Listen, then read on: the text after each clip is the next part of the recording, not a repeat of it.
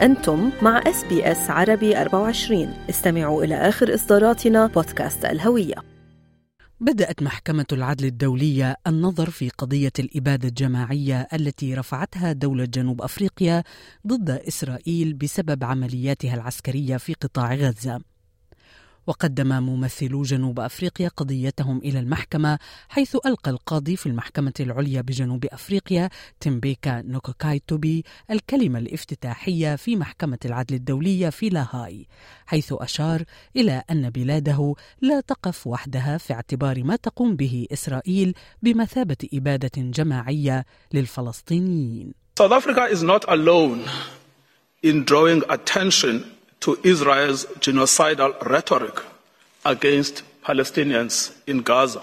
15 United Nations special rapporteurs and 21 members of the United Nations working groups have warned that what is happening in Gaza reflects a genocide in the making and an overt intent to destroy the Palestinian people under occupation. وتستعد إسرائيل في الساعات المقبلة للدفاع عن نفسها في جلسة منفصلة أمام محكمة العدل الدولية حيث من المتوقع أن تنفي قيامها بأي إبادة جماعية ضد الفلسطينيين كما شدد على ذلك رئيس الوزراء الإسرائيلي بنيامين نتنياهو الذي اتهم جنوب أفريقيا بالنفاق اللامحدود. What a twisted world. And it is the IDF, the most moral army in the world, which does everything to avoid harming the uninvolved, that is accused by the representatives of the monsters of genocide. The hypocrisy of South Africa knows no bounds. وتجمع العشرات من أنصار الجانبين الفلسطيني والإسرائيلي أمام مقر محكمة العدل الدولية في لاهاي للتعبير عن مواقفهم المؤيدة والمعارضة لهذه القضية. وكان مايكل ليفي من بين المتظاهرين وهو الذي اختطفت حماس شقيقه في هجومها على إسرائيل في السابع من أكتوبر الماضي ووصف ليفي اتهامات الإبادة الجماعية ضد إسرائيل بأنها سخيفة وغير منطقية Because today there are absurd accusations against Israel that it's committing genocide, while Hamas is committing crimes against humanity every day that my brother and the rest of the hostages are there. And no one is talking about it. And I'm here to raise the voice of my brother and the rest of the hostages. ودعا المتظاهرون المؤيدون للفلسطينيين بوقف دائم لإطلاق النار حيث قتل أكثر من 23 ألف فلسطيني منذ بدء الصراع في السابع من أكتوبر في أعقاب هجمات شنتها حماس أسفرت عن مقتل 1200 شخص واحتجاز 240 رهينة من جنوب إسرائيل. سارة غالي كانت من بين هؤلاء المتظاهرين الداعين لوقف دائم لإطلاق النار. There's been almost 100 days of indiscriminate bombing on the civilian population in Gaza. So we, I expect uh, the judges uh, to to uh, order by law, right, and to call it what it is. It's a genocide against civilians in, in Gaza. وأثارت الخطوة التي قامت بها جنوب أفريقيا الكثير من التساؤلات حول سر اهتمام ذلك البلد الأفريقي البعيد جغرافيا عن منطقة الشرق الأوسط والذي لم يشهد تاريخيا هجرة عربية وفلسطينية كبيرة سر اهتمامه بالقضية الفلسطينية. ويمكن بحسب المؤرخين إرجاع دعم جنوب أفريقيا طويل الأمد للشعب الفلسطيني إلى زمن نيلسون مانديلا. ويعتبر مواطنو جنوب أفريقيا والكثير من الشعوب حول العالم نيلسون مانديلا رمزا للنضال ضد الظلم والعنصرية حيث حارب لإنهاء الفصل العنصري في بلاده وسجن بسبب ذلك لسبعة وعشرين عاما. وانتخب أول رئيس أسود لبلاده عام 1994 معلنا بذلك نهاية الفصل العنصري في بلاده. وقد ارتبط مانديلا بعلاقة صداقة قوية بياسر عرفات رئيس منظمة التحرير الفلسطينية حيث آمن مانديلا بحق الفلسطينيين في تقرير مصيرهم وكان من أوائل من دعا إلى حل الدولتين والتعايش السلمي بين إسرائيل وفلسطين. فلنستمع لملخص موقف مانديلا من القضية الفلسطينية حيث عبر عنه في مؤتمر استضافته جامعة هارفارد الأمريكية بعد ثلاثة أعوام من توليه رئاسة بلاده. We identify with the PLO because just like ourselves, they are fighting for the right of self determination.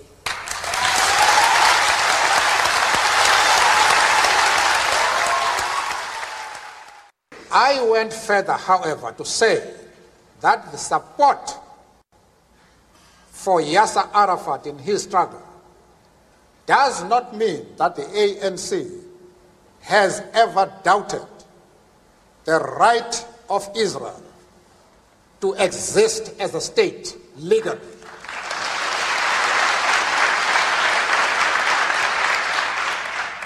We have stood quite openly and firmly for the right of that state to exist within secured borders. But of course, as I said to Mr. Sigmund in Geneva and others, that we carefully define what we mean by secure borders. We do not mean that uh, Israel has the right to retain the territories they conquered from the Arab world, like the Gaza Strip, the Golan Heights, and uh, the West Bank. We don't agree with that. Those territories should be returned to the Arab people. ويرى المتابعون للشأن الأفريقي أن الاهتمام التاريخي بالقضية الفلسطينية في جنوب أفريقيا استمر حتى بعد وفاة مانديلا عام 2013 وهو الآن في أقوى مراحله بعد الخطوة التي اتخذتها جنوب أفريقيا برفع دعوى بالإبادة الجماعية ضد إسرائيل. عن هذا الأمر يقول الصحفي جمال حمد وهو رئيس تحرير موقع أدوليس الإخباري الإلكتروني. هذا ليس يعني سرا وليس مستغربا أن تأتي يعني هذه الدعوة من جنوب أفريقيا. ذلك إنه علاقة الشعوب لا تنتهي علاقة التضامن والعلاقة النضالية بين الشعوب لا تنتهي لأنه هي أصلا لا تقوم على حسابات حسابات سياسية. هي بتقوم على المؤازرة والمساندة والدعم وبالتالي هي لا تنتهي ولا تخضع لعمليات الربح والخسارة التي يعني تحكم العمل السياسي العام. وبالتالي لا غرابة أن تقوم جنوب أفريقيا بهذه الدعوة. ذلك أنه في الوفد يعني شخصيات عاصرت وانسجنت مع نيلسون مانديلا وفي الذين عاصروه وهو رئيسا. وبالتالي أنا أعتقد أنه هذا هو السر يعني السر الذي ربط النضال الجنوب أفريقي بالثورة العالمية وفي مقدمتها طبعا الثورة الفلسطينية يعني. لو نعود قليلا لبدايات هذه العلاقة أشرت لنيلسون مانديلا الزعيم المعروف بجنوب أفريقيا. لو نعود لبدايات هذه العلاقة متى كانت أبرز محطاتها ما بين نيلسون مانديلا والقضية الفلسطينية؟ ابتداء أنا أقول أنه الشعب الجنوب أفريقي بقيادة حزب المؤتمر الوطني ورئاسة نيلسون مانديلا ناضلوا ضد الفصل العنصري ضد الابرتايد. ناضلوا ضد الاستعلاء العرقي. والفلسطينيين من سنة 48 ناضلوا ضد المحو من الوجود وضد الاستعلاء وضد الفاشية الصهيونية. وبالتالي هذا عامل مشترك للقاء. أيضا بعد استيلاء المؤتمر الوطني وتعديل الوضع في جنوب أفريقيا السيد ياسر عرفات رئيس منظمة التحرير الفلسطينية استقبل استقبال الأبطال ورؤساء الدول وبالتالي هذه العلاقة هي قديمة وأعتقد ليس مع فتح ولا مع ياسر عرفات بل كانت مع كل فصائل الثورة الفلسطينية وخاصة الجبهة الشعبية لتحرير فلسطين واليسار الفلسطيني بشكل عام. لماذا برأيك بقي الاهتمام بالقضية الفلسطينية في جنوب أفريقيا حتى بعد وفاة مانديلا عام 2013 لماذا ما زال موجودا للآن؟ موجود قطعا وهذا ما تعكسه يعني هذه الدعوة القضائية التي يعني تقدمت بها جنوب أفريقيا. موجود أيضا لأنه واحد من من القضاة كان مسجون مع مع نيلسون مانديلا. موجود أيضا لأنه على رأس هذا الوفد هو وزير العدل الجنوب أفريقي. ووزير العدل يعني ليست وظيفة وظيفة عامة هي وظيفة مهنية. وبالتالي هذا الرجل جاء بمهنته وجاء ممثلا للعدالة.